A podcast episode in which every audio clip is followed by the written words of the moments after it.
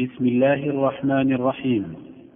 السلام عليكم ورحمة الله وبركاته وبعد.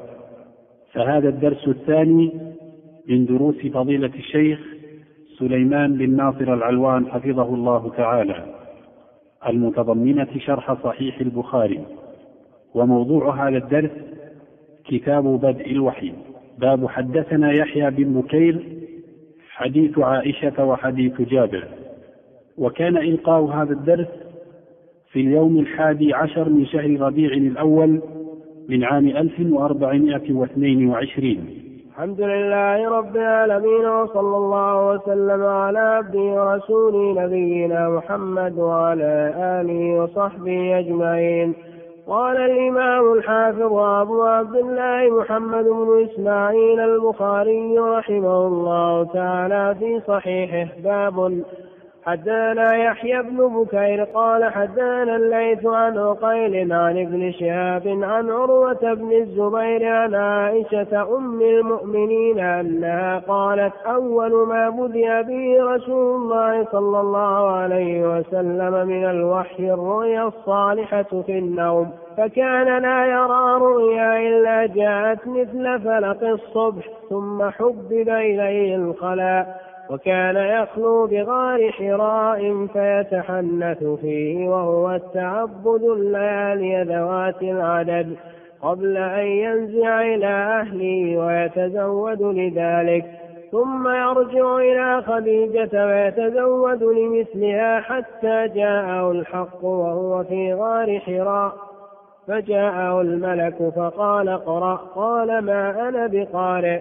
قال فأخذني فوطني حتى بلغ مني الجهد ثم أرسلني فقال اقرأ قلت ما أنا بقارئ؟ فأخذني فغطني الثانية حتى بلغ مني الجهد ثم أرسلني فقال اقرأ. فقلت ما أنا بقارئ؟ فأخذني فغطني الثالثة ثم أرسلني فقال اقرأ باسم ربك الذي خلق خلق الإنسان من علق. اقرأ وربك الأكرم. فرجع بها رسول الله صلى الله عليه وسلم يرجف فؤاده فدخل على خديجة بنت خويلد رضي الله عنها فقال زملوني زملوني. فزملوا حتى ذهب عنه الروع فقال لخديجة وأخبرها الخبر لقد خشيت على نفسي. فقالت خديجة كلا والله ما يخزيك الله أبدا. إنك لتصل الرحم وتحمل الكل وتكسب المعدوم وتقري الضيف وتعين على نوائب الحق فانطلقت به خديجة حتى أتت به ورقة بن نوفل ابن أسد بن عبد العزى بن عم خديجة وكان امرأ تنصر في الجاهلية وكان يكتب الكتاب العبراني فيكتب من الإنجيل بالعبرانية ما شاء الله أن يكتب وكان شيخا كبيرا قد عمي فقالت له خديجة يا ابن عم اسمع من ابن أخيك. فقال له ورقة يا ابن أخي ماذا ترى؟ فأخبره رسول الله صلى الله عليه وسلم خبر ما رأى فقال له ورقة هذا الناموس الذي نزل الله على موسى يا ليتني فيها جذعا. ليتني أكون حيا إذ يخرجك قومك. فقال رسول الله صلى الله عليه وسلم أو مخرجيهم؟ قال نعم.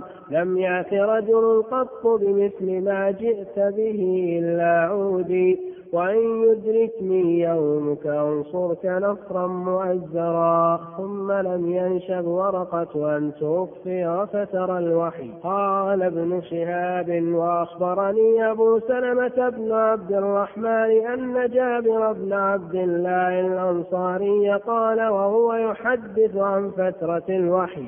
فقال في حديثه بين أنا أمشي إذ سمعت صوتا من السماء فرفعت بصري فإذا الملك الذي جاءني بحراء جالس على كرسي بين السماء والأرض فرعبت منه فرجعت فقلت زملوني فأنزل الله تعالى يا أيها المدثر قم فأنذر إلى قولي والرج فاهجر فحمي الوحي وتتابع. تابعه عبد الله بن يوسف وأبو صالح وتابعه هلال بن رداد عن الزهري. وقال يونس ومعمر بوادره. بسم الله الرحمن الرحيم. قال الإمام البخاري رحمه الله تعالى باب حدثنا يحيى ابن بكير. يحيى هذا هو ابن عبد الله ابن بكير المصري. روى عن الليث بن سعد كثيرا. حتى قال ابن عدي رحمه الله تعالى هو أضبط الناس في الليث. بينما ضعفه ابن معين والنسائي وأبو حاتم وجماعة. وقيل إن البخاري رحمه الله تعالى روى عنه فيما وافقه عليه الثقات. قال حدثنا الليث هذا بن سعد عن عقيل بن خالد بن عقيل. عقيل بضم العين ابن خالد بن عقيل بفتح العين. عن ابن شهاب الزهري عن عروة بن الزبير. ولد في خلافة أمير المؤمنين عمر بن الخطاب رضي الله عنه. وتوفي سنة أربع وتسعين. عن عائشة أم المؤمنين تزوجها النبي صلى الله عليه وسلم قبل الهجرة ودخل بها بعد الهجرة. تزوجها وهي ابنة سبع ودخل بها وهي ابنة تسع. وهي من أفقه الصحابة وأعلمهم. حتى قال الزهري رحمه الله تعالى لو جمع علم الصحابة علم الناس وعلم أمهات المؤمنين لرجح بهم علم عائشة. وقد توفيت رضي الله عنها سنة سبع وخمسين قاله الإمام أحمد وخليفة بن خياط وجماعة وقيل. سنة ثمان وخمسين. أنها قالت أول ما بدأ به رسول الله صلى الله عليه وسلم من الوحي الرؤيا الصالحة في النوم. والرؤيا الصالحة من الرحمن. بخلاف الحلم. فإنه من الشيطان.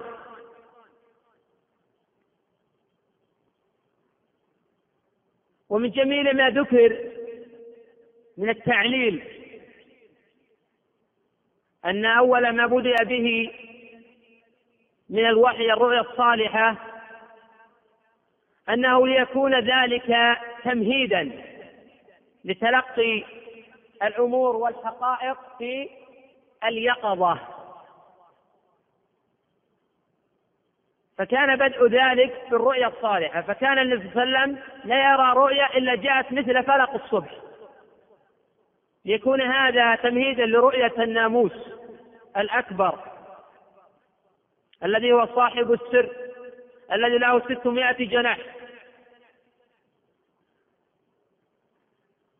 والرؤيا كلما كثر صدق صاحبها كلما تحقق وقوعها وتجلت حقائقها. كما جاء في صحيح اليوم مسلم من حديث أبي هريرة أن النبي صلى الله عليه وسلم قال أصدقكم رؤيا أصدقكم حديثا. كلما كان المرء أكثر صدقا في حديثه كلما كانت رؤياه أصدق. فلا يكاد يرى الرؤيا إلا وتأتي مثل فلق الصبح. والرؤيا جزء من ستة وأربعين جزءا من النبوة. صحيح أن هذا ليس خاصا بالنبي صلى الله عليه وسلم كما قاله جماعة من أهل العلم. صحيح أنه عام. فإن الرؤيا جزء وعلم من أعلام النبوة والنبوة قد انقطعت بوفاة نبينا صلى الله عليه وسلم. لكن أعلامها وروابطها لم تنقطع. من الرؤيا والعلم ونحو ذلك. تقول عائشة رضي الله عنها فكان لا يرى رؤيا إلا جاءت مثل فلق الصبح. نحن نعلم أن عائشة ما أدركت ذلك. ولعل هذا قبل أن تولد. بل من المقطوع به أن هذا قبل أن تولد.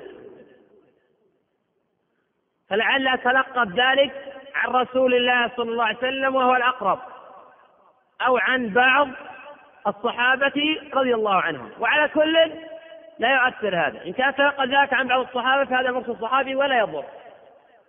وإن كان تلقى ذلك عن النبي صلى الله عليه وسلم ولعله الأقرب. ولا سيما لعلم عائشة فقد كان النبي صلى الله عليه وسلم يخصها بشيء كثير وكانت تحفظ وكانت تسأل وكانت تبحث عن العلم فلعلها سألت النبي صلى الله عليه وسلم عن ذلك فقص لها هذا الخبر. ثم حبب إليه الخلأ أي الخلوة عن الناس للتفرغ للعبادة. وكان الناس يتعبدون عبادة مطلقة ولم يذكر لنا نوعية هذه العبادة. وكان يخلو بغار حراء وذلك للابتعاد عن الناس. وبعض الجهات يتخذ الآن غار حراء مكانا للتبرج. هذا من البدع ولا أصل له.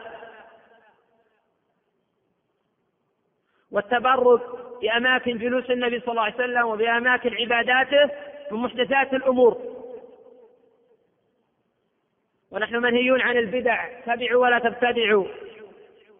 والأحاديث متواترة عن رسول الله صلى الله عليه وسلم في النهي عن البدع ومحدثات الأمور. وخير الأمور السالفات على الهدى وشر الأمور المحدثات البدائع. وقد قال النبي صلى الله عليه وسلم من أحدث في أمرنا هذا ما ليس منه فهو رد. الرواه أكيد. حديث من؟ الرواه رواه مسلم البخاري نعم. أكيد. نعم. متفق عليه من حديث عائشة رضي الله عنها. وفي رواية لمسلم من عمل عملا ليس عليه أمرنا فهو رد. فيتحنث فيه. قيل إن هذه اللفظة مصحفة. والصحيح أنه يتحنث. يتبع الحنيفية ملة إبراهيم. وقيل إن المحفوظ يتحنث. وقد فسرت هذه اللفظة بالتعبد. قوله وهو التعبد هذه اللفظة مدرجة. وقد جزم بعض أهل العلم بأن الإدراج من الزهري. وهذا يحتاج إلى دليل واضح. الليالي ذوات العدد. يتعبد الليالي ذوات العدد. قبل أن ينزع أن يرجع إلى أهله.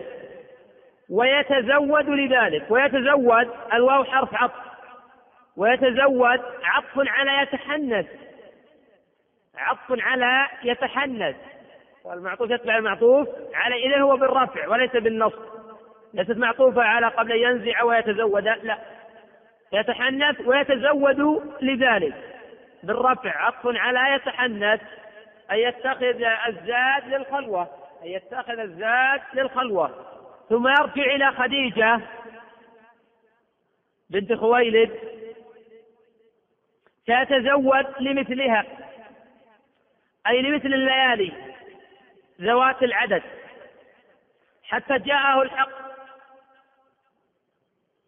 أي الأمر الحق. الحق يطلق على الرب جل وعلا ويطلق وصف للأمر. ويطلق وصف للأمر والمقصود هنا وصف الأمر. حتى جاءه الحق أي الأمر الحق. قال الله جل وعلا ذلك بأن الله هو الحق قوله الحق حتى جاءه الحق وهو في غار حراء فجاءه الملك تقدم أن الملائكة خلقوا من ماذا؟ من نور الحديث من رواه؟ خلق الناس من ماذا؟ الأخ يقول من نور صحيح؟ والجان؟ من نار. والإنسان؟ من وطين روى الحديث الأخ إبراهيم؟ نعم. رواه مسلم. طبعا إذا رواه مسلم يعني ما رواه البخاري. واضح؟ إذا رواه البخاري يعني ما رواه مسلم. ما رواه حديث؟ متفق على صحته. فجاء الملك فقال اقرأ.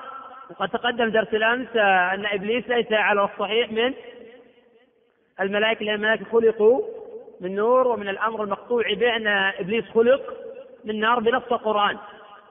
وإذا معنى قول الله جل وعلا إلا إبليس أبى واستكبر الاستثناء هنا استثناء إذ قلنا للملائكة اسجدوا لآدم فسجدوا إلا إبليس وإذ قلنا للملائكة اسجدوا لآدم فسجدوا إلا إبليس الاستثناء هنا استثناء منقطع. استثناء منقطع وليس متصلا.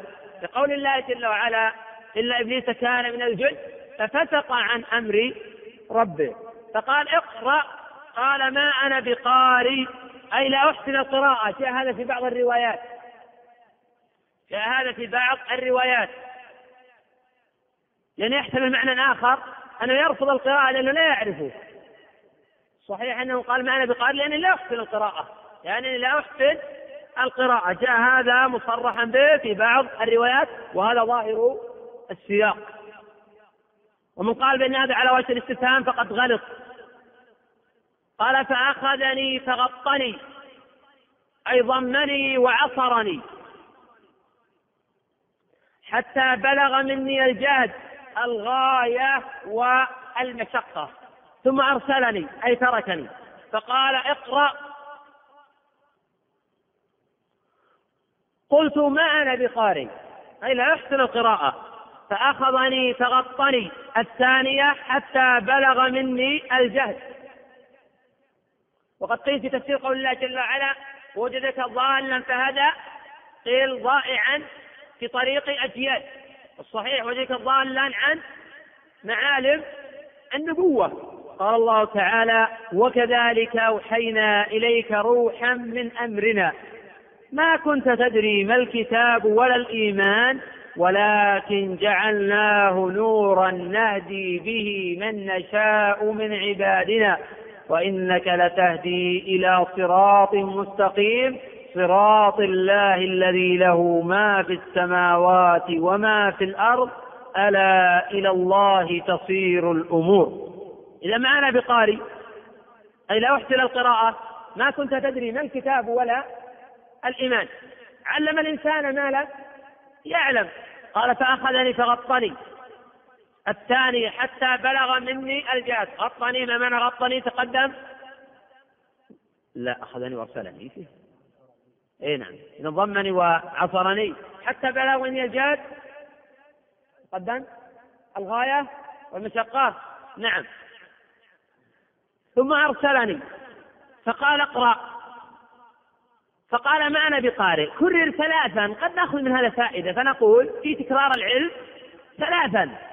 وكان النبي صلى الله عليه وسلم يتكلم تكلم ثلاثا. وإذا سلم سلم ثلاثا وذلك يعلم عنه ويفهم. وليس معنى هذا أن الإنسان إذا دخل مجلس قوم قال السلام عليكم ورحمة الله وبركاته ثم سمعوا وردوا عليه السلام أعاد ثانيا قال السلام عليكم ورحمة الله وبركاته. سمعوا.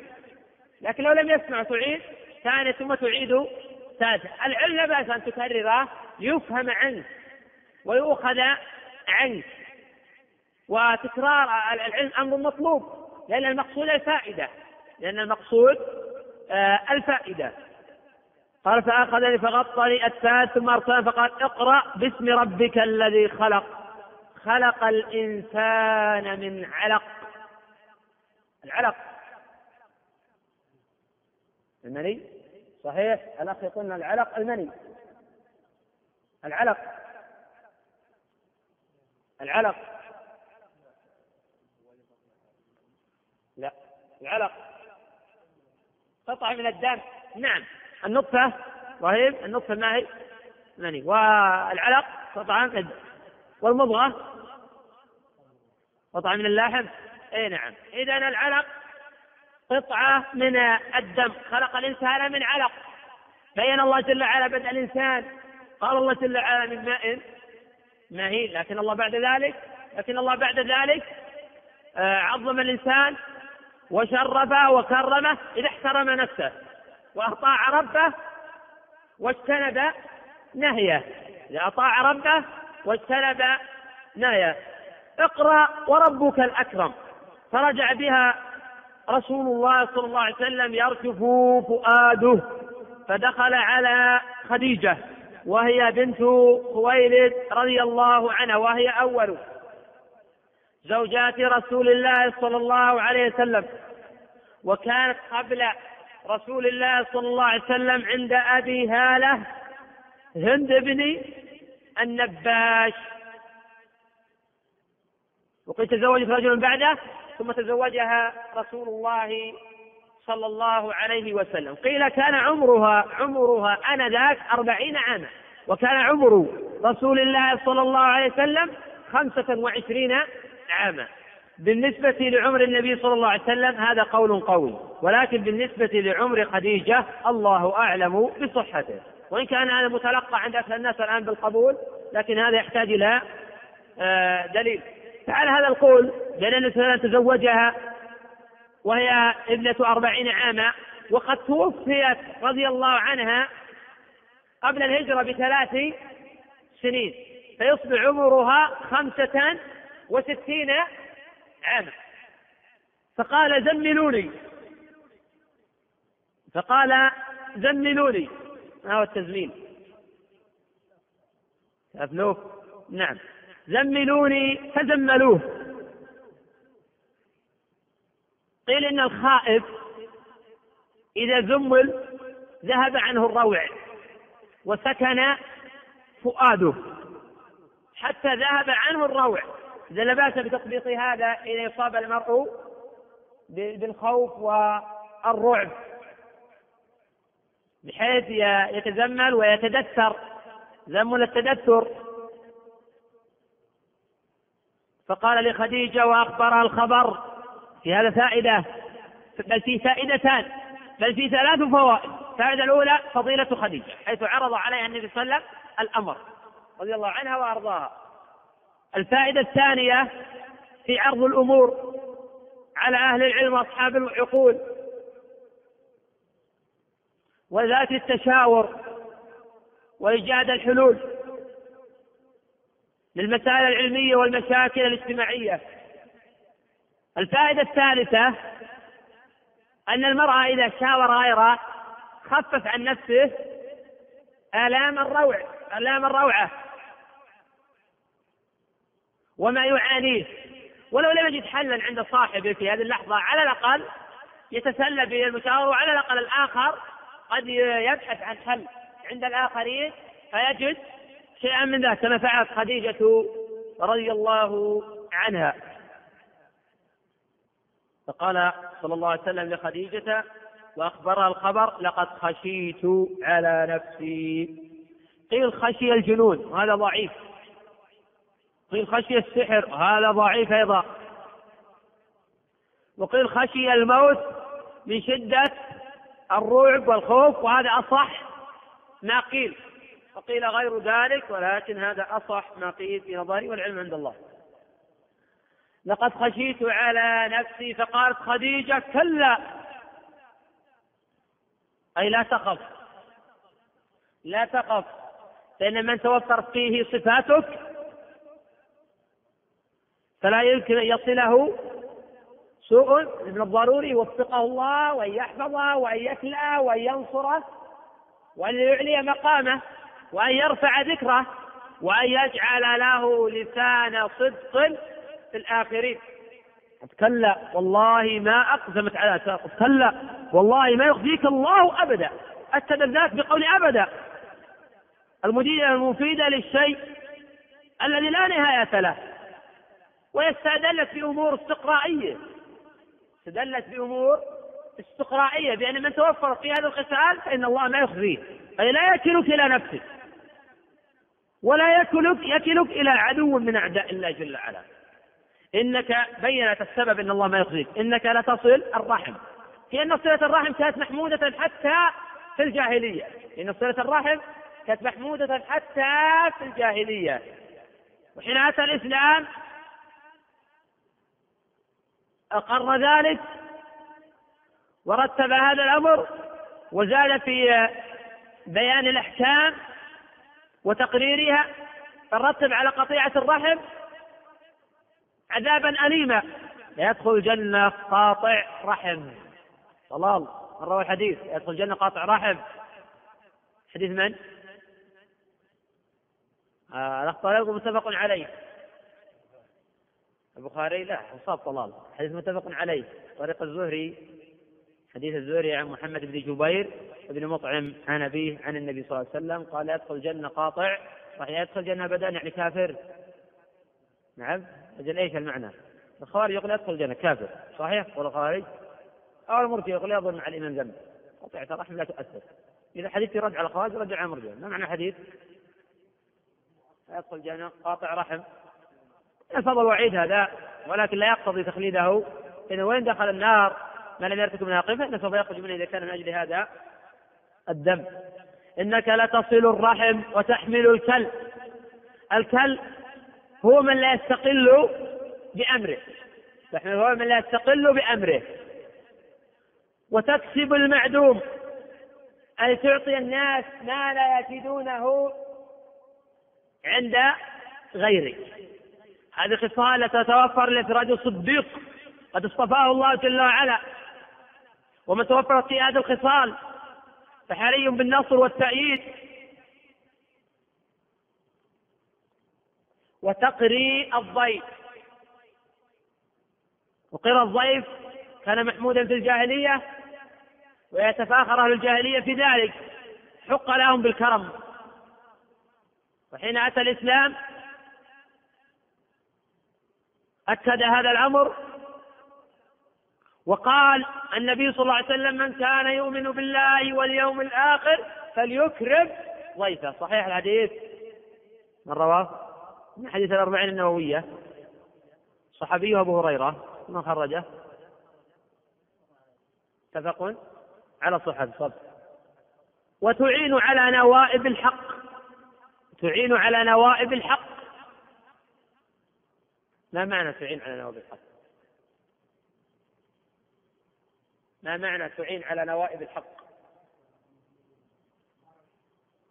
تعين على نوائب الحق من إظهار الحق ونصر المظلوم والقيام بحقه وشؤونه وكل ما هو من شأن الحق فإن الإنسان يعين عليه لأنه متصف بصفات عظيمة.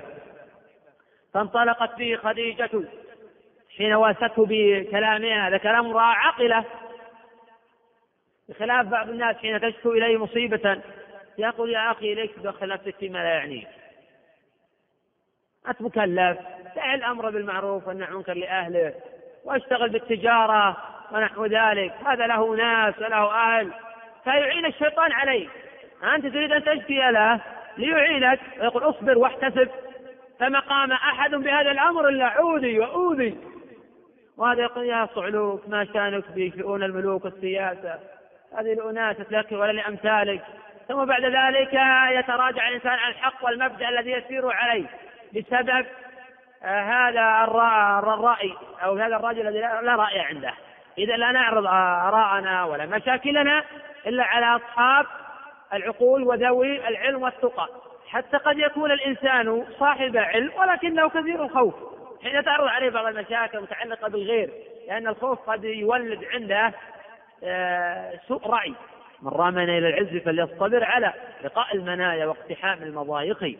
فإن تكن الأيام ورنقن مشربي وسلمنا حدي بالخطوب الطوارق فما غيرتني محنة عن خليقتي ولا حولتني خدعة عن طرائق. لكنني باق على ما يسرني ويغضب أعدائي ويرضي الصادق فانطلقت به خديجة حتى أتت به ورقة ابن نوفل ابن أسد ابن عبد العزى ابن عم خديجة.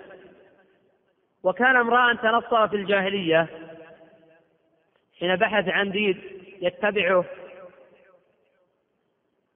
وجد الدين النصرانية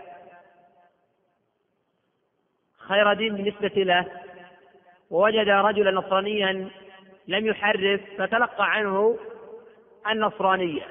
وكان هو زيد بن عمرو بن نفيل الحتو يبحثان عن الحق لكن زيدا رفض اليهودية ورفض النصرانية. لم يجد شيئا منهما إلا محرفا أو شيء بالتحريف. فأبى يتبع إلا الحنيفية. وقال أنا ملة أنا على ملة إبراهيم. وكان امرأ تنصر في الجاه وكان يكتب الكتاب العبراني فيكتب من الإنجيل العبرانية ما شاء الله وأن يكتب وكان شيخا كبيرا. إذا هي ذهبت به إلى رجل عالم بعلوم الكتاب وصاحب عقل. وكان شيخا كبيرا قد عمي فقالت له خديجة يا ابن عم اسمع من ابن أخيك. كي يعنى بهذا ففي التعريف بين يدي السؤال؟ حين تريد أن آه، آه، تخبر فلان الناس خبرا عن شخص عرف بين يدي هذا المسؤول أو هذا الرجل بحال المسؤول عنه بحال الخبر الآخر لكي آه، يستفرغ جهده في النصيحة ولكي يسمع منه ولكي يعطي النصيحة على الوجه قال اسمع من ابن أخيك. قيل إن هذا على وجه الاحترام والتقدير. يعني اسمع من النبي صلى الله عليه وسلم ابن اخيك قيل هذا على وجه الاحترام والتقدير وقيل أنه قال ذلك لأن عبد الله بن عبد المطلب وهو والد النبي صلى الله عليه وسلم يلتقي مع ورقة في قصي ابن كلاب فقال له ورقة يا ابن أخي ماذا ترى؟ يا ابن أخي ماذا ترى؟ لم ينادي باسمه فإن هذا من ألفاظ الإجلال والاحترام وهذا الأولى حين تعرف رجلا تقول يا أخ يعني تاتي بألفاظ تفيد الأخوة تفيد مكارم بها الرفع من شأنه ومعنوياته ونحو ذلك. ولا تأتي بألفاظ بذيئة أو سيئة ونحو ذلك. ولا مانع أن تسأل عن اسمه أو عن كنيته لتناديه بذلك. فأخبره رسول الله صلى الله عليه وسلم خبر ما رأى. فقال له ورقة لأنه عاقل وقرأ الكتب فقال هذا الناموس الذي نزل الله على موسى. الناموس هو صاحب السر. الناموس يطلق على صاحب السر. وجبريل هو صاحب الوحي. وهو الذي يأتي بالوحي على الأنبياء والمرسلين. فقال ورى هذا الناموس الذي نزل الله على موسى لم يقل على عيسى مع أن ورقة كان قد تنصر والناموس الذي نزل على عيسى هو الذي نزل على الناموس الذي نزل على موسى هو الذي نزل على عيسى وعيسى بعد موسى فهو قال الذي آه، نزل الله على موسى. قيل السبب في هذا لأن آه، شريعة موسى أكثر أحكام أكثر أحكاما من شريعة عيسى. فخص بالذكر لأن شريعة عيسى تابعة لشريعة موسى ولكن زاد على ذلك عيسى بعض الأحكام. وقيل السبب؟ لأن الناس آنذاك من اليهود والنصارى متفقون على أن هذا الناموس نزل على موسى لكن لم يتفقوا على نزول على عيسى فإن اليهود ينكرون ذلك. يا ليتني فيها جدعا.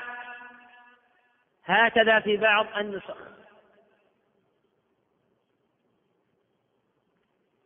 مصوب على خبر كان المحذوفة يا ليتني فيها أكون جذعا. وفي نسخة يا ليتني فيها جذع ليتني أكون حيا. إذ يخرجك قومك. أي يتمنى أن يكون شابا صغيرا. لأنه حينئذ يستطيع مناصرة الرسول صلى الله عليه وسلم والذب عن عرضه ونفسه والوقوف أمام أعداء الله وأعداء رسوله صلى الله عليه وسلم حين يريدون إخراجه وإقصاءه. ليت يكون حيا إذ يخرجك قومك. يعلم مما قرأ في الكتب. أنه ما أتى نبي بمثل هذا إلا وعودي وأخرج من بلده. ولكن العاقبة للمتقين. فبادره رسول الله صلى الله عليه وسلم أو مخرجيهم فقال نعم لم يأتي رجل قط بمثل ما جئت به إلا عودي. في دلالة واضحة على أن ورقة آمن بما جاء به الرسول صلى الله عليه وسلم وصدق النبي صلى الله عليه وسلم على ما قال. ولم يختلجه شك في ذلك. ما قال؟ إن كنت كما تقول أو إن كنت صادقا. حين عرض له الخبر عرف لأنه يعلم أن قرأ أن سوف يبعث نبي. وهذه الصفات التي عرض الرسول صلى الله عليه وسلم هي من صفات الأنبياء والمرسلين فلهذا قال لم يأتي رجل قط بمثل مجده إلا عودي. وقد جاء في مسند أحمد وغيره بسند على شرط مسلم.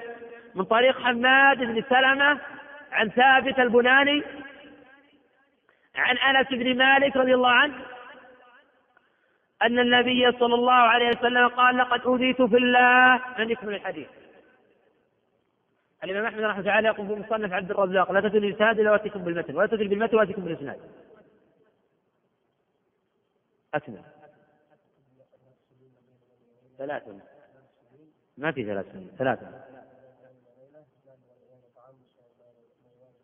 نعم أصبت جاء في مسند أحمد من طريق حماد بن سلمة عن ثابت البناني عن أنس بن مالك أن النبي صلى الله عليه وسلم قال لقد أوذيت في الله وما يؤذى أحد وأخفت في الله وما يخاف أحد. ولقد أتت علي ثلاث وفي رواية ثلاثون ما بين يوم وليلة وما لي ولعيالي طعام يأكله كل ذي كبد إلا ما يواري إبطاء بلال. وماذا يواري؟ يواري شيئا يسيرا. إلا عودي أخرج من مكة دابر الطائف. وحين أراد يدخل لم يدخل إلا بجوار المطعم بن عدي ثم هاجر من مكة إلى المدينة. فوجد منع من قومه أي من الأنصار. ويدركني يومك أنصرك نصرا مؤزرا. هذا تكرير الإيمان بالرسول صلى الله عليه وسلم. والمعاهدة على النصرة وهذا الذي ينبغي لأهل الحق ينصر بعضهم بعضا. ولا يحق لأحد يتخلى عن نصرة الحق ويعلم أنه على الحق. فإن هذا من أسباب التوفيق من أسباب حسن الخاتمة من أسباب ولاية الله للعبد من أسباب معية الله جل وعلا العبد أيضا. معية حف ونصر وتأييد. زيادة على هذا أن هذا رفع في الدرجات تكثير للسيئات لأن الحق من الضروري أن يمتحن. ولا يمكن أن يخلي الله جل وعلا الأرض من قائم بأمر الله. ولكن من الضروري أيضا أن هذا القائم يبتلى ويمتحن. من الضروري أنه ناصرة على قدر الإمكان. بالمال بالنفس باللسان بغير ذلك. ما دام أن هذا الحق هذا الرجل على الحق أو هو أقرب على الأقل إلى الحق من الطرف الآخر فمن الضروري أن نناصره. ولا نتخلى عن مناصرة المسلمين في مشارق الأرض ومغاربها. ومن الأنانية أن لا تعرف من المناصرة إلا من هو يصادقك أو يؤاخيك أو من جيرانك أو من الذي تتعلم على أيديهم. لو كان في المشرق أو في المغرب وجب عليك مناصرته. أخوك الحقيقي هو الذي يقوم بنصر دين الله. وليس المؤمن يقول ابن مسعود الذي يأكل جاره. جائع انصر أخاك ظالما مظلوما. متفق عليه. من حديث أبي هريرة. الاف حديث من؟ محمد. انصر أخاك ظالما أو مظلوما. متفق عليه. كان من حديث جابر ومن حديث أنس ابن مالك رضي الله عنه. لكن في البخاري من حديث جابر وفي مسلم من حديث أنس أو العكس الشك مني. وفي الصحيحين من طريق زكريا عن عامر بن شرحبيل الشعبي عن النعمان بن بشير أن النبي صلى الله عليه وسلم قال مثل المؤمنين في توادهم وتراحمهم وتعاطفهم كمثل الجسد الواحد.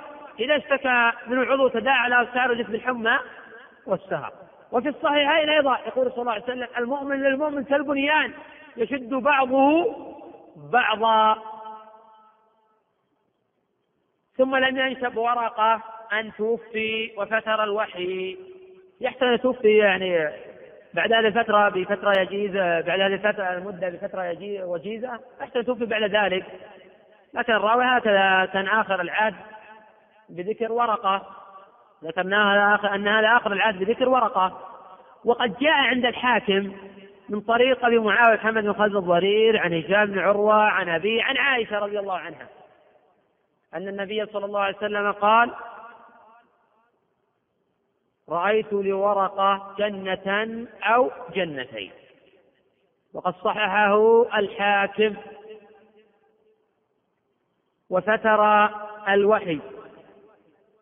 أي تأخر نزوله. وهذا الحديث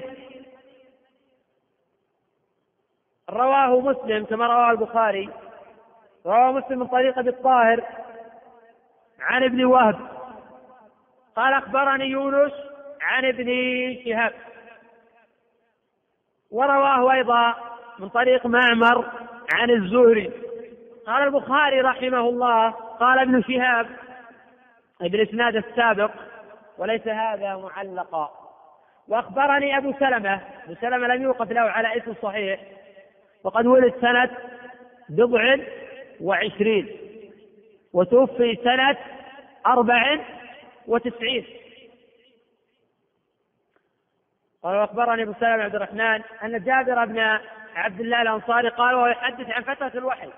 حديث سابق عن حديث عائشة وهنا من حديث جابر. فقال في حديث بين أنا امشي إذ سمعت صوتا من السماء فرفعت بصري فإذا الملك الذي جاءني بحراء جالس على كرسي بين السماء والأرض.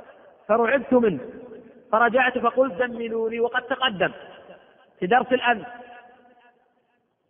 ان النبي صلى الله عليه في صورته التي خلقه الله عليها مرتين. وقيل أكثر آه، من ذلك. فقلت زملوني فأنزل الله يا أيها المدثر قم فأنذر إلى قوله والرجز فاجر فحمي الوحي وتتابع يا أيها المدثر ما معنى ذلك؟ أي سرعة المتدثر بثيابه قم فأنذر ما معنى الإنذار؟ صحيح بلغ على ماذا بلغ؟ صحيح بلغ بلغ ماذا؟ يدعو إلى التوحيد وينذر عن الشرك والرجز فاهجر عبد الرحمن ما معنى الرجز؟ والرجز فاهجر. يوم يقول فأنذر وربك فكبر. وربك فكبر معنى وربك فكبر؟ أي عظمه بالتوحيد. وثيابك فطاهر. ثيابك طاهر. يحتمل أحد معنيين. ثيابك أي أزل النجاسة عنها. وثيابك طاهر. أي وثيابك طاهر. أي طاهر أعمالك عن الشرك. وصحيح إن لا تشمل النوعين. والرز فاجر الرز. الرز الأصنام. الرز الأصنام. والرز فأي اهجر. ما يعبد قومك فحمي الوحي وتتابع. ظاهر هذا الحديث أن أول ما أنزل من القرآن يا أيها المدثر. ظاهر هذا الحديث أن أول ما أنزل من القرآن يا أيها المدثر. وظاهر حديث عائشة السابق أن أول ما أنزل من القرآن اقرأ باسم ربك الذي خلق. وقد ذهب أكثر أهل العلم إلى القول بحديث عائشة. وذلك لوجوه الوجه الأول قوله صلى الله عليه وسلم ما أنا بقارئ. صريح أنه لم يقرأ قبل ذلك. الوجه الثاني الأمر بالقراءة بالترتيب. قبل الأمر بالإنذار. يعني كيف يؤمر بالإنذار ولم يقرأ. الأمر الثالث أن حديث عائشة صريح في بيان أول ما أنزل. بخلاف حديث جابر ففيه عدة احتمالات. الوجه الرابع أن قوله في حديث جابر بن عبد الله يقول تأمل في قوله يقول فإذا الملك الذي جاءني بحراء جالس على كرسي بين السماء والأرض. وهذا قوي الدلالة أن اقرأ قبل المدثر لأن أخبر في هذا الحديث أنه هذا الملك هو الذي جاءه في حراء والذي علمه سورة العلق. ونصر هذا القول الإمام ابن القيم رحمه الله تعالى في أوائل زاد المعاد. وقد ذكر ابن القيم وجها آخر فقال إن عائشة تخبر بذلك عن رسول الله صلى الله عليه وسلم أو عن الصحابة الذين يخبرون عن رسول الله صلى الله عليه وسلم. بخلاف جابر, جابر في قوله قال البخاري رحمه الله تعالى تابعه أي تابع يحيى ابن بكير عبد الله بن يوسف وأبو صالح كاتب الليل. أبو صالح لا يروي له البخاري في الأصول إنما يروي له في المتابعات والشواهد. وتابعه هلال بن رداد عن الزهري. وقال يونس ومعمر بوادره. أن يرجف فؤاده وترجف بوادره. وهذا الخبر رواه مسلم. من طريق يونس عن الزهري ومن طريق عقيل عن الزهري. ومن طريق يحيى ابن أبي كثير عن أبي سلمة بن عبد الرحمن عن جابر بن عبد الله رضي الله عنه. وإلى هنا ينتهي الشرح. ننظر ماذا عند الأخوة من الأسئلة. نعم. والله اعتبار ورقة من الصحابة في نظر. لكن الذي يتضح من سياق الحديث ومن الحديث الذي عند الحاكم أنه من آمن بالنبي صلى الله عليه وسلم وأنه من أهل الجنة. لأنه آمن بعيسى وصدقه. واتبع ما جاء به. وحين جاء الإسلام آه، وعد النبي صلى الله عليه وسلم آه، أن ينصره وقال ويدركني يومك أنصرك نصرا مؤزرا. فهذا وعد من الله وتوفي على هذا الوعد. والناس يبعثون على نياتهم وعلى أقوالهم وعلى أفعالهم. وإنسان على ما مات عليه نعم.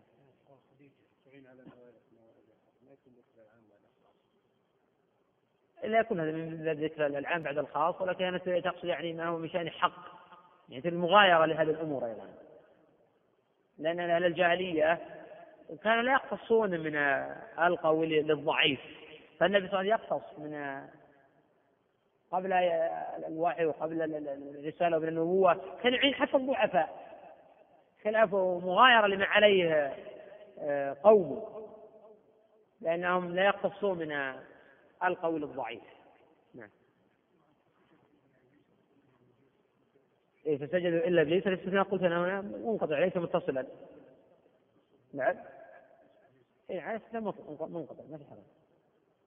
يذوقون فيها الموتى إلا الموتة الأولى.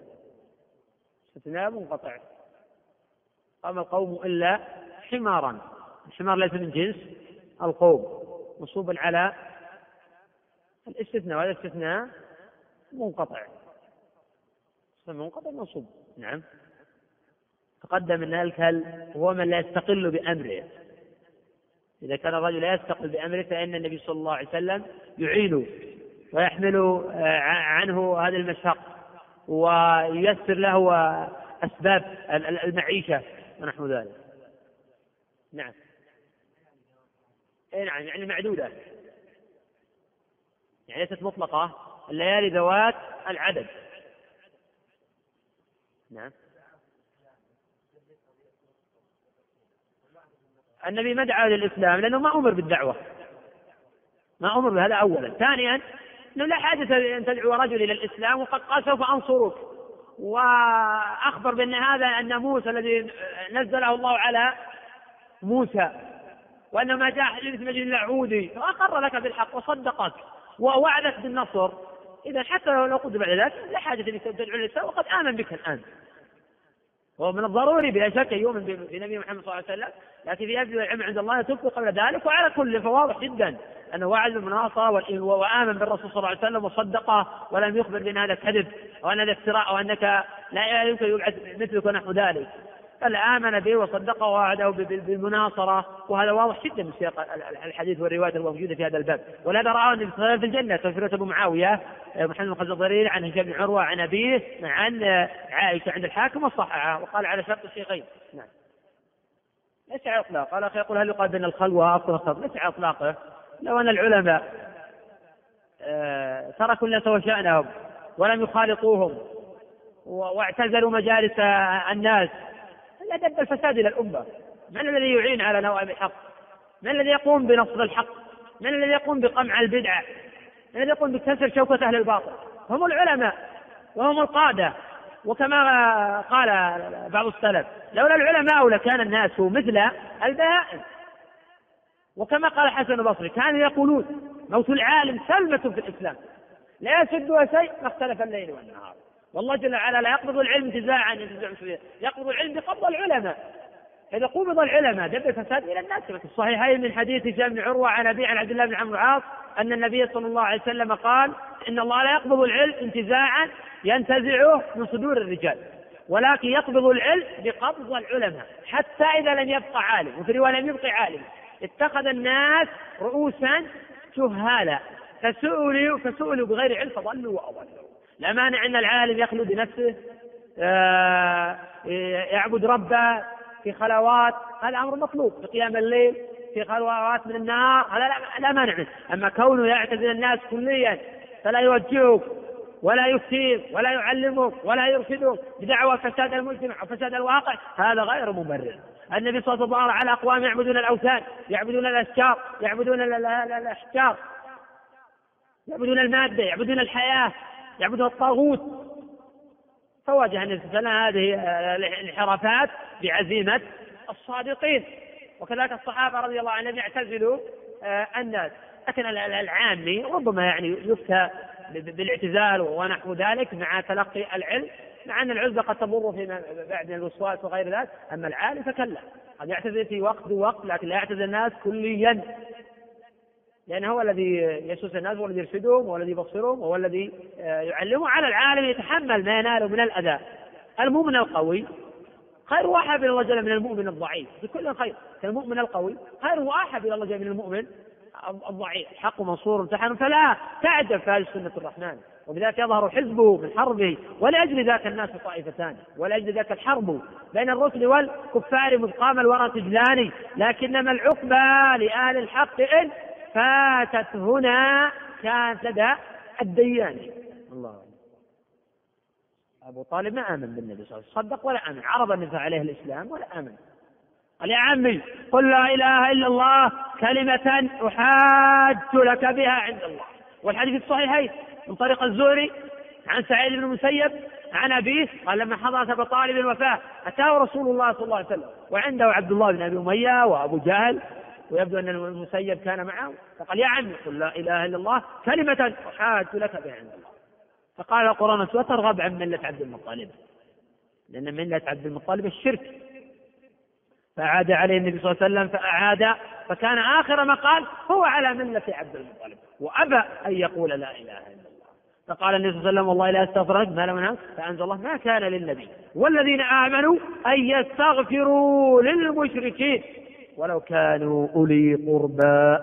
من بعد ما تبين أنهم أصحاب الجحيم. حين قال العباس يا رسول الله إن عمك الضال ابو طالب كان يحوطك وينصرك ويحميك هل نفعته بشيء وحديث الصحيحين؟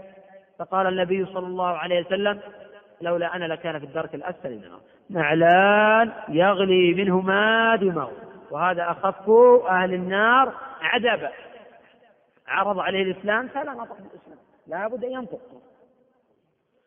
يكفي هذا. يكفي يا إخوان. استغفر الله استغفر الله استغفر الله استغفر الله. بسم الله الرحمن الرحيم.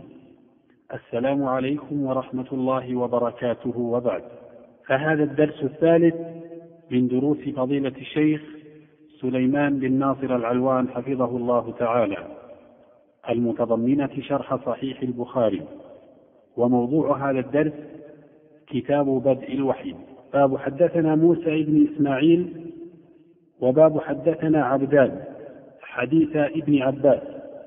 وكان إلقاء هذا الدرس في اليوم الثاني عشر من شهر ربيع الأول من عام 1422 الحمد لله رب العالمين وصلى الله وسلم على عبده ورسوله نبينا محمد وعلى آله وصحبه أجمعين.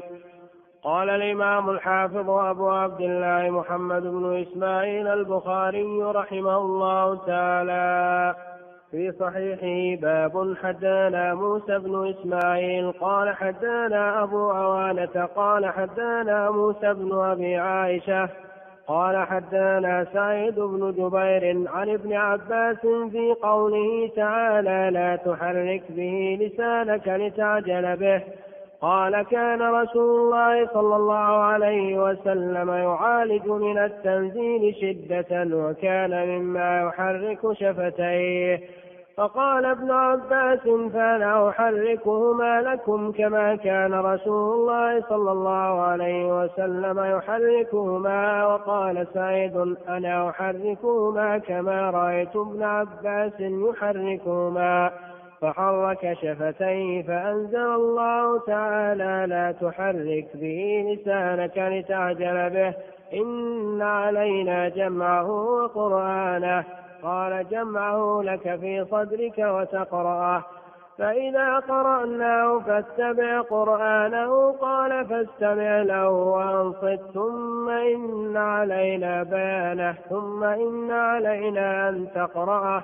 فكان رسول الله صلى الله عليه وسلم بعد ذلك إذا أتاه جبريل استمع فإذا انطلق جبريل قرأه النبي صلى الله عليه وسلم كما قرأه باب حدانا عبدان قال أخبرنا عبد الله قال أخبرنا يونس عن الزهري حاء حدانا بشر بن محمد قال أخبرنا عبد الله قال أخبرنا يونس ومعمر عن الزهري نحوه قال أخبرني عبيد الله بن عبد الله عن ابن عباس قال كان رسول الله صلى الله عليه وسلم أجود الناس وكان أجود ما يكون في رمضان حين يلقاه جبريل وكان يلقاه في كل ليلة من رمضان فيدارسه القرآن.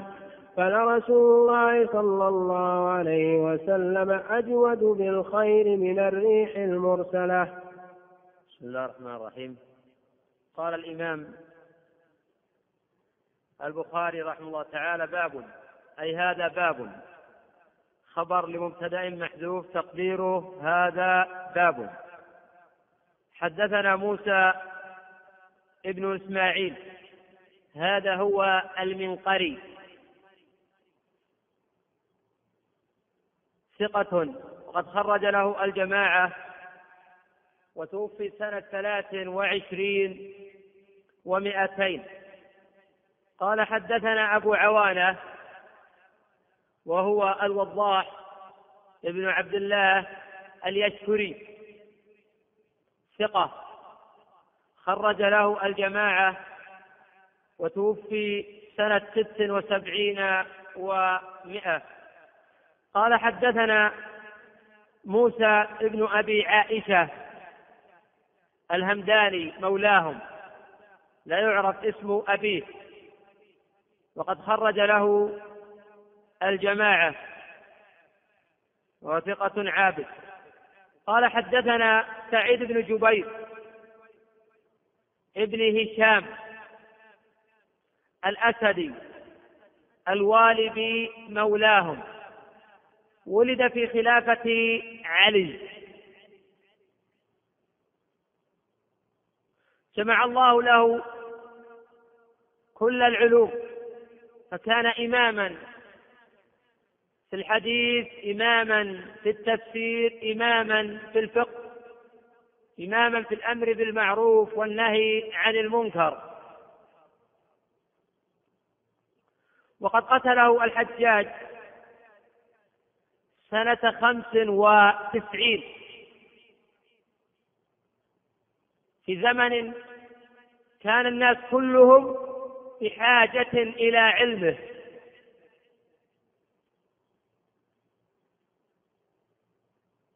ولهذا لم يمهل الله جل وعلا الحجاج بعدها ولم يقتل أحدا بعده فأهلكه الله وأخزاه. وقد اتفق العلماء على توثيقه وما من إمام من الأئمة إلا وقد خرج له. قال عن ابن عباس هذا عبد الله بن عباس حبر الأمة وترجمان القرآن ولد في شعب بني هاشم قبل الهجرة بثلاث سنين. جعله النبي صلى الله عليه وسلم وقال اللهم فقهه في الدين. متفق على صحته. وفي رواية اللهم علمه التأويل. فكان الناس يضربون إليها كباد الإبل يأخذون عنه التفسير والفقه. وقد توفي رضي الله عنه سنة ثمان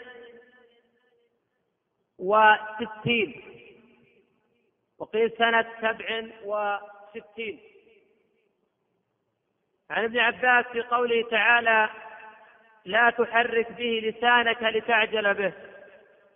لا تحرك فعل مضارع مجزوم بلا الناهية. لتعجل به لتعجل فعل مضارع منصوب بأن مضمرة بعد لام التعليل. قال ابن عباس كان رسول الله صلى الله عليه وسلم يعالج من التنزيل شدة وذلك لرفعة الدرجات وعظيم الأجر والثواب.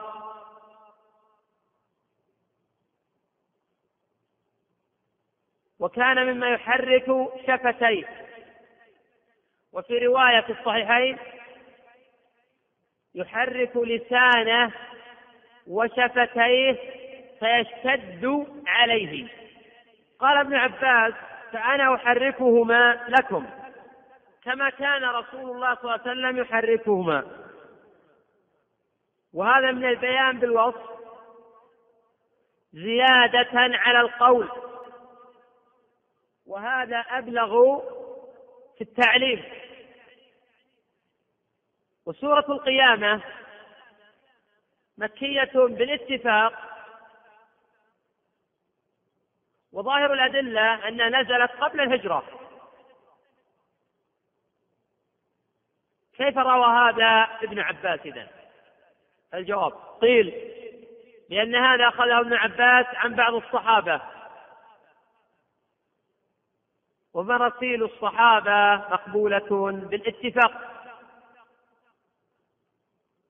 القول الثاني أن هذا مما أخذه ابن عباس عن رسول الله صلى الله عليه وسلم.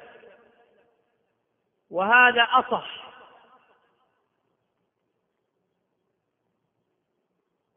فقد قال ابن عباس في هذا الحديث فأنا أحركهما لكم. أي اللسان أحركهما أي الشفتين لكم. كما كان رسول الله صلى الله عليه وسلم يحركهما. وقال سعيد بن جبير أنا أحركهما كما رأيت ابن عباس يحركهما فحرك شفتيه وهذا مسلسل فعلي وهو أبلغ في الضبط والحفظ وأبلغ في التعليم. والمسلسلات نوعان مسلسلات قولية ومسلسلات فعلية. وقد يجمع بينهما فيكون هذا قسما ثالثا. فأنزل الله تعالى لا تحرك به لسانك لتعجل به. فقد كان النبي صلى الله عليه وسلم يعجل بالشيء. قيل خشية نسيانه. وهذا قول الأكثر. وقيل يريد حفظه من حبه إياه. والظاهر والعلم عند الله أنه يبادر بذلك خشية أن ينساه. بدليل قوله جل وعلا إن علينا جمعه.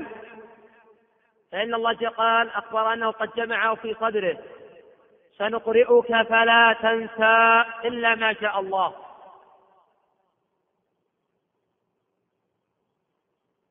النبي صلى الله عليه وسلم كان يحرك لسانه وشفتيه على أحد القولين خشية أن ينسى أو يريد حفظه لحبه إياه فنهي عن ذلك.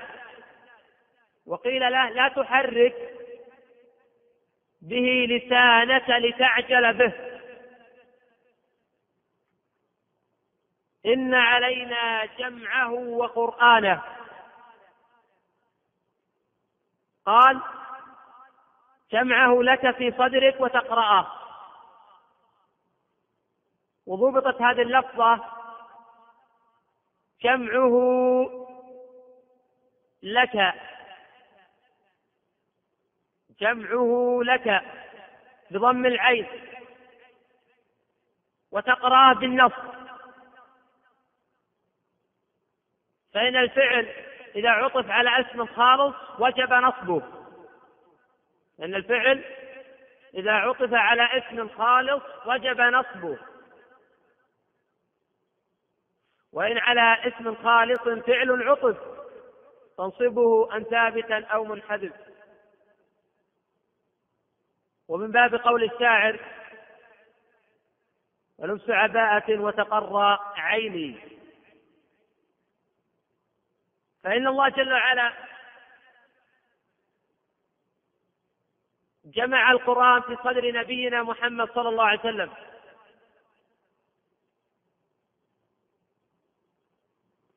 وإذا أراد أن يقرأه فلا يشق عليه ذلك.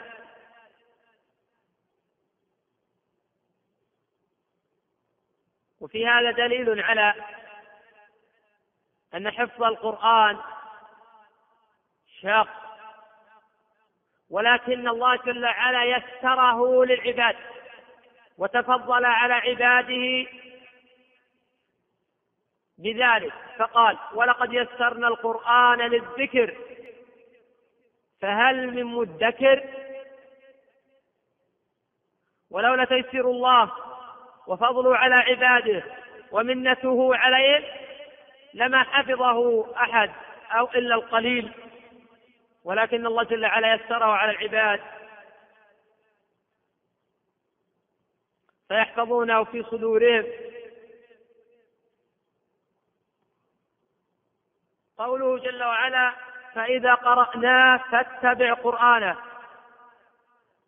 أي استمع وأنصت لما يلقى إليك. ثم إن علينا بيانه. أي أن تقرأه بعد ذلك؟ سنقرئك فلا تنسى. إلا ما شاء الله. بل هو آيات بينات في صدور الذين أوتوا العلم. وقد قيل في تفسير قول الله جل وعلا إن علينا بيانه. قيل أن تقرأ كما هنا. وقيل ثم إن علينا بيانه أي حلاله وحرامه.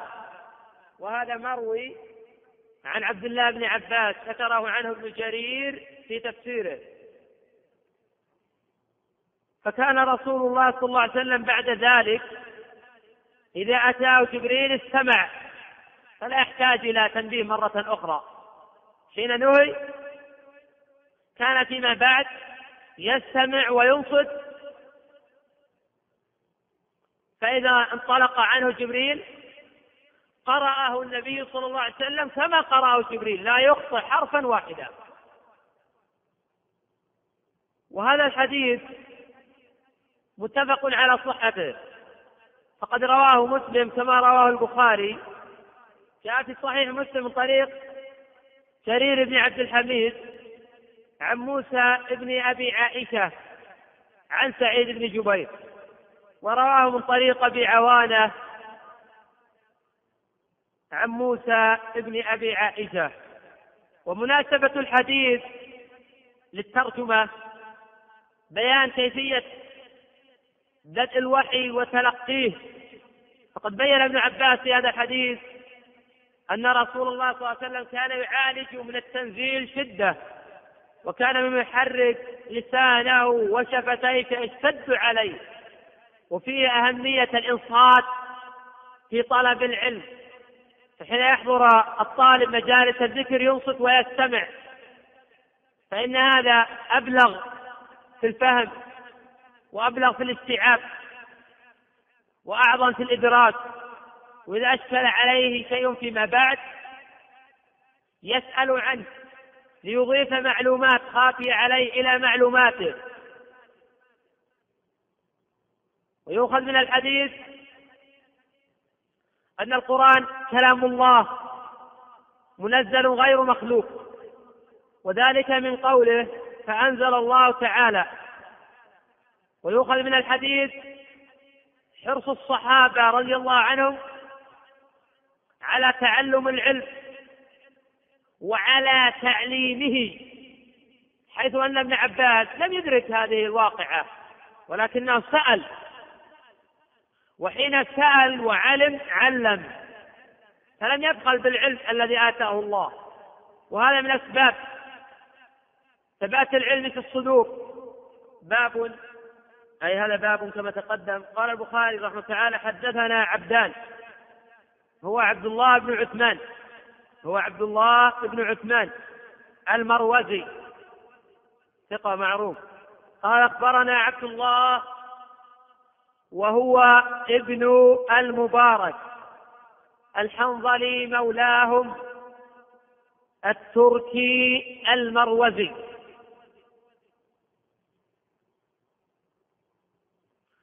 ولد سنة ثمانية عشرة ومئة. وقد آتاه الله جل وعلا علما وفضلا. وفضله على كثير ممن خلق تفضيلا. فكان عالما محدثا وفقيها خريتا وجوادا سخيا وشجاعا مقدما. آمرا بالمعروف ناهيا عن المنكر. وكان إماما في السنة إماما في الاتباع إماما في الجهاد. وقد آتاه الله جل وعلا مالا فكان ينفقه في سبيل الله جل وعلا. وكان شديد الحرص على إخفاء عمله حتى لا يطلع عليه أحد. خشية أن يصاب بالعجب أو يمن به على الغير فيحفظ عمله. وكان يختلف إلى طرسوس وكان يذهب إلى الرقة وهنالك شاب يختلف عليه يقضي حوائجه ويسمع منه الحديث. ففقده ذات يوم فسأل عنه فقيل إنه مسجون في عشرة آلاف درهم. فذهب إلى صاحب الحق الغريب وبذل هذا المال وقال لا يطلع على ذلك فلان أي ذكر الشاب وناشده الله أن يكتم عليه فخرج الشاب من السجن ولقيه عبد الله قال أين أنت؟ قال كنت مسكونا بعشرة آلاف درهم قال قضيت عنك؟ قال نعم. قال من قضاها قال رجل لا أعرفه. فدعا له ولم يكن يعرف الشاب. أن الذي قضاه هو عبد الله بن مبارك حتى توفي. عبد الله بن مبارك رضي الله عنه. زيادة على هذا كان معظما للآخرين. عارفا لقدر أهل العلم وفضلهم. فعلى تعظيم الناس له واحترامهم كان يقدر غيره. فحين جلس في مجلس الإمام حماد بن زيد قال أصحاب الحديث من أتباع حماد مره فليحدثنا. فقال حماد لعبد الله بن مبارك سألوني أن أعرض عليك أن تحدثهم. فقال لا يمكن أحدث وأنت حاضر. فسأله بالله أن يحدثهم. فحدثهم عبد الله ولكن لم يحدث بحديث إلا وقال حدثنا حماد بن زيد. فحدث الحاضرين بأحاديث حماد بن زيد. هذه قمة في الأدب والاحترام للآخرين وعدم جرح المشاعر. لأن الطلب لم يكن ابتداء من حماد إنما كان من تلاميذه أو من الحاضرين. فكان لا يحدث بحديث إلا ومن طريق حماد بن زيد. ومناقب عبد الله كثيرة جدا. وقد توفي رضي الله عنه سنة إحدى وثمانين ومائة قال أخبرنا يونس ابن يزيد الأيلي وهو ثقة إلا في الزهري ففيه ضعف يسير. قال الإمام أحمد رحمه الله تعالى في حديث يونس عن الزهري منكرات. في حديث يونس عن الزهري منكرات. وحين سئل الإمام أحمد رحمه الله عن أثبت الناس في الزهري قال معمر. قيل فيونس قال روى أحاديث منكرة غير أنه لم يتفرد بهذا الحديث عن الزهري. فقد تابعه جمع في البخاري وغيره. انتقال من إسناد إلى آخر. وحدثنا بشر بن محمد أراد البخاري رحمه تعالى يذكر متابعا ليونس. وبشر بن محمد هذا هو المروزي سختياني. ولد سنة أربع وعشرين ومائتين قال أخبرنا عبد الله وهو ابن المبارك وقد تقدم. الحديث عنه. من جميل ما نقل وما نستفيد منه الآن في مجلسنا جميل ما نقل عن عبد الله المبارك رحمه الله تعالى أنه قيل له إلى متى تكتب العلم؟ إلى متى تكتب العلم؟ قال لعل الكلمة التي أنتفع بها لم أكتبها بعد. لعل الكلمة التي أنتفع بها لم أكتبها بعد. قال أخبرنا يونس تقدم ومعمر راشد عن الزهري. الزهري تقدم أنه ولد سنة خمسين وقيل سنة إحدى وخمسين. وقد توفي سنة أربع وعشرين ومئة نحو. قال أخبرني عبيد الله. عبيد الله بن عبد الله بن عتبة بن مسعود. ولد في خلافة أمير المؤمنين عمر بن الخطاب. وقيل بعدها بقليل. وهو أحد الفقهاء السبعة والأئمة المتبوعين وقد جمع بعض أهل العلم الفقهاء السبعة في بيتين فقال إذا قيل من في الفقه سبعة أبحر روايتهم عن العلم ليست بخارجة. فقل هم عبيد الله. هذا هو عبيد الله بن عبد الله بن عتبة بن مسعود. فقل هم عبيد الله عروة قاسم. سعيد أبو بكر سليمان خارجة. من هو عروة؟ الشاهد هم عبد الله عروة. عروة من؟ عروة بن الزبير. غانم. قاسم. قاسم بن محمد. صاحب جده أبو بكر الصديق سعيد. سعيد. أبا إسماعيل بن المسيب. أبو بكر. أبو بكر. سعيد أبو بكر. طلال. ألا. ألا. ألا. اللي بعده. أبا أحمد. أبو بكر. أبا إسماعيل. نعم أصبت وأحسنت. يقول أبو بكر بن عبد الرحمن بن الحارث بن هشام. سليمان خارجة. سليمان. نعم سليمان بن يسار صحيح. أبو الوليد خارجة خارجة خارجة خارجة. نعم. لا هو اسمه خارجة يريد أباه. خارجة. زيد من؟ خارجة بن زيد. نعم أصبت. بن ثابت. نعم وخارجة بن زيد. من هؤلاء الفقهاء السبعة من هم الأئمة الأربعة؟ إذا قيل ذهب الأئمة الأربعة إلى القول بكذا وكذا فمن هم الأئمة الأربعة؟ أريد الترتيب على الترتيب الزمني العمري. يريد الأئمة الأربعة على الترتيب الزمني العمري. نعم. نعم. لا غلط هذا. الترتيب الزمني العمري. نعم. أبو حنيفة ثم مالك ثم الشافعي ثم أحمد. تعرف ولد أبو حنيفة في عام كذا أو كذا؟ سنة ثمانين صحيح.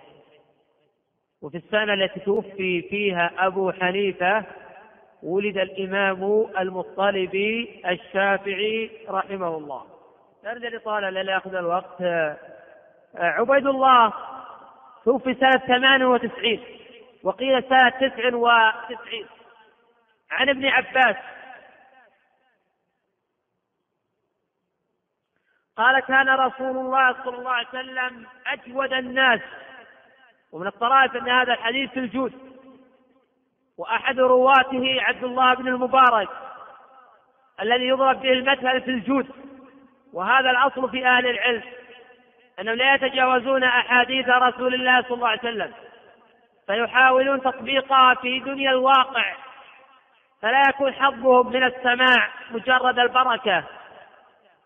يسمعون ويعملون بخلاف حالنا ألسنة تصف وقلوب تعرف وأعمال تخالف. نسأل الله جل وعلا السلامة والعافية.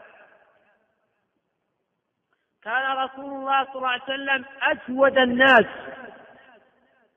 أجود الناس في بذل المال. أجود الناس في بذل الجاه. أجود الناس في صنائع المعروف. أجود الناس في الإعانة على نوائب الحق. وأجود نصب على أنه خبر كان. ورسول الله اسمه كان. وأجود الناس الألف واللام للتعريف. وهذا لإفادة العموم. فليس هناك أحد أجود من رسول الله صلى الله عليه وسلم. لا من الأنبياء ولا من الرسل ناهيك عن غيرهم. هو أجود الناس على الإطلاق. وكلما كان الإنسان بالله يعرف كان بالمال أجود. لأن يعرف حقارة الدنيا ودناءتها وخفتها ولا لا تساوي عند الله شيئا. ويعلم أنه مفارقها مهما عاش إذا يبذل يبذل في الجهاد في سبيل الله. يبذل في تبليغ العلم. يبذل في إعانة الفقراء والمساكين والأرامل. وكان أجود ما يكون في رمضان. أجود بالرفع اسم كان. والخبر محذوف. والمعنى أجود ما يكون رسول الله صلى الله عليه وسلم في رمضان. وقد جاء في صحيح الإمام البخاري من حديث حماد بن زيد عن ثابت البناني عن أنس بن مالك قال كان رسول الله صلى الله عليه وسلم أحسن الناس وأجود الناس وأشجع الناس. كان رسول الله صلى الله عليه وسلم أحسن الناس وأجود الناس وأشجع الناس. فمن الضروري يكون لنا قدوة في رسول الله صلى الله عليه وسلم. فنجود مما أو بما في أيدينا. لنكتسب محبة الله ورضوانه.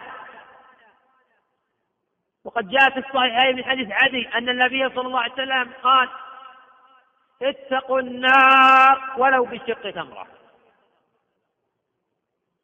وفي الصحيحين حديث أبي هريرة وغيره أن النبي صلى الله عليه وسلم قال سبعة يظلهم الله في ظله يوم لا ظل إلا ظله. وذكر رجلا تصدق بصدقة فأخفى حتى لا تعلم شماله ما تنفق يمينه. وكان أجود ما يكون في رمضان حين يلقاه جبريل. ففي أن الجود يتفاوت من وقت إلى آخر. والجود مراتب أيضا. وفيه أن الجود في رمضان أفضل منه في غيره. وليس معنى هذا أن يؤخر المرء زكاته الواجبة إلى رمضان كصنيع الكثير من أبناء عصرنا. تجب الزكاة في رجب فيؤخرها إلى رمضان. وهذا لا يجوز شرعا. وليس هذا بخياره. فقلوب الفقراء متعلقة بحق الله الذي أوجبه الله على هذا العبد. ولكن رخص الفقهاء يؤخر المرء زكاة ماله لغرض كأن ينتظر فقيرا ونحو ذلك. أما حين يجد الفقراء والمساكين والأرامل والأيتام ويؤخر الزكاة طلبا لفضل الزمان فهذا غلط. وأما حين يؤخرها بحثا عن الفقراء أو ينتظر بها فقيرا التعاد إعطاءه فهذا لا بأس به مع كتابة ذلك أو تدوينه وحجز المال عن الغير لا يتاجر به. هذا الزكاة لا يحق له يتاجر بهذا المال. يرصده ويخرج عن ماله. قوله حين يلقاه جبريل. بين متى يلقاه؟ قال وكان وفي أي زمن يلقاه؟ قال وكان يلقاه في كل ليلة من رمضان. يلقاه في كل ليلة من رمضان. فيدارسه القرآن. ففي ذلك مشروعية مدارسة القرآن مع الآخرين. ويؤخذ من ذلك أن النبي صلى الله عليه وسلم يزداد خيرا وإنفاقا. حين يلقى جبريل فيدارس القرآن. ويستفاد من ذلك. مجالسة الصالحين. ومدارسة العلم معهم. يستفاد من ذلك. أن مدارسة القرآن ليلا أفضل منها نهارا. ويستفاد من ذلك.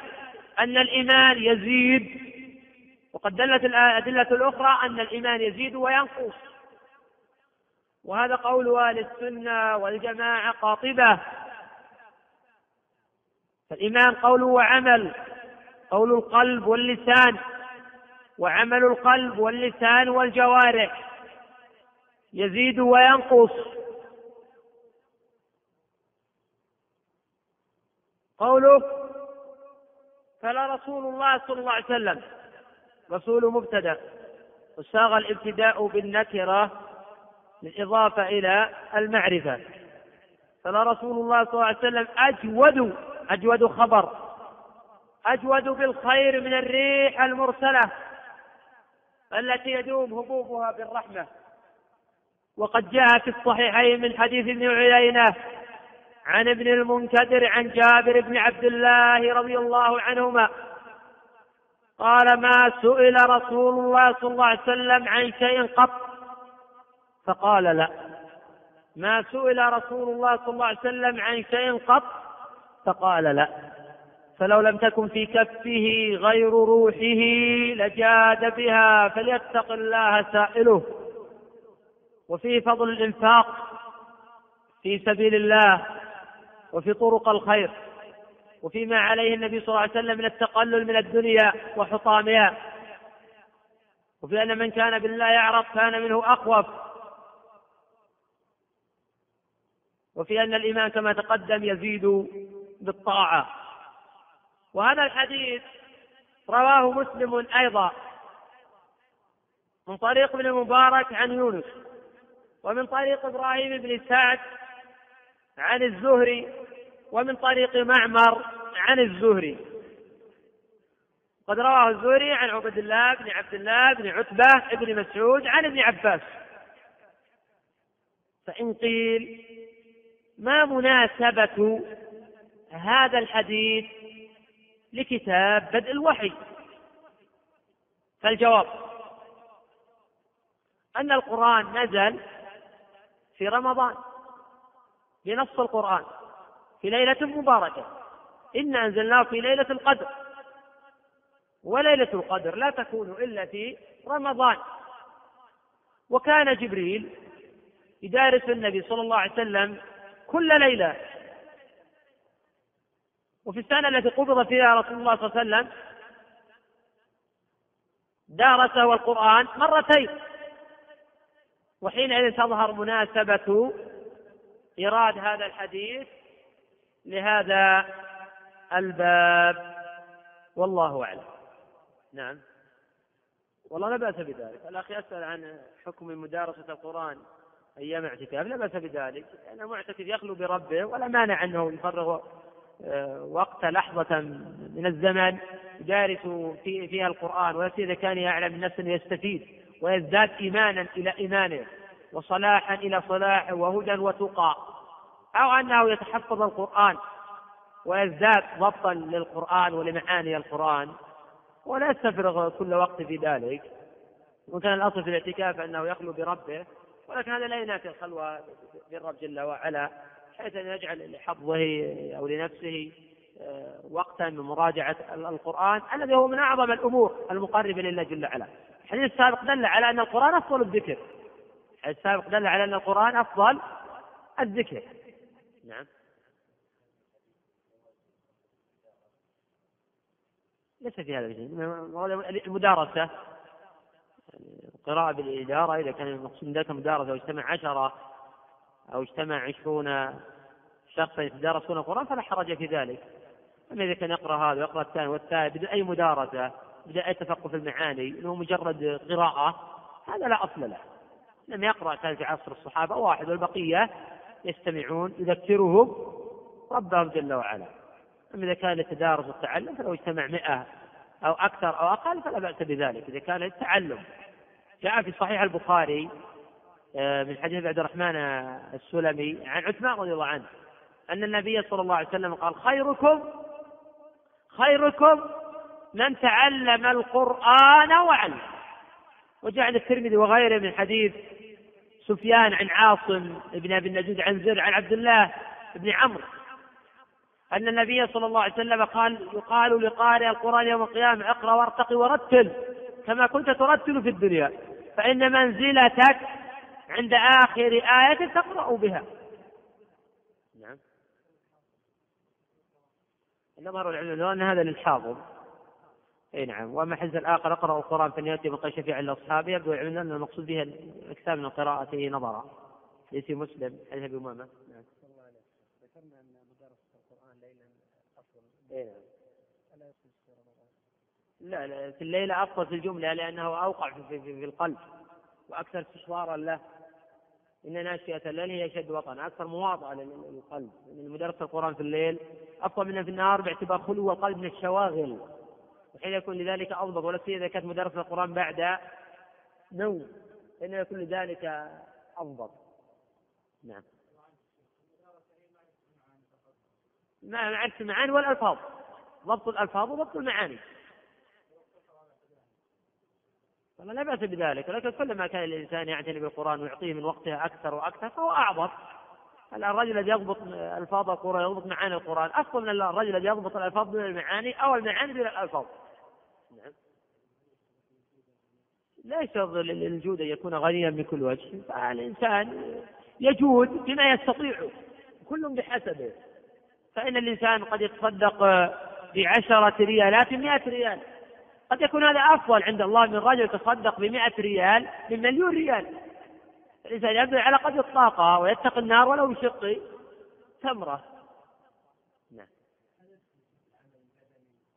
إي نعم شرط ليس كان أجود الناس أجود الناس بماله أجود الناس بجاهه أجود الناس باعانته على نوائب الحق. كان أجود الناس بكل شيء. فالجود لا يقتصر على الجود بالمال.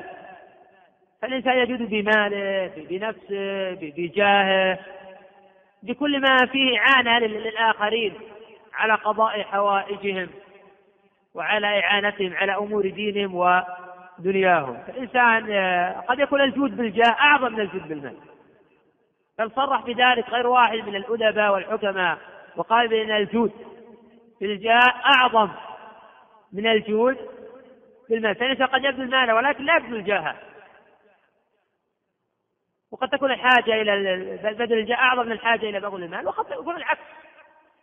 يكون نحن بحاجة إلى بدل مثلا المال. في حديث حماد بن سلمة عن حميد الطويل عن أنس أن النبي صلى الله عليه وسلم قال جاهدوا المشركين بأموالكم وأنفسكم وألسنتكم. بدأ بجهادهم أو ببذل المال. فالإنسان قد يستطيع الجهاد بالنفس يبذل ماله. جاهدوا المشركين بأموالكم. والجهاد لا يقتصر على جهاد الأعداء بالسنان.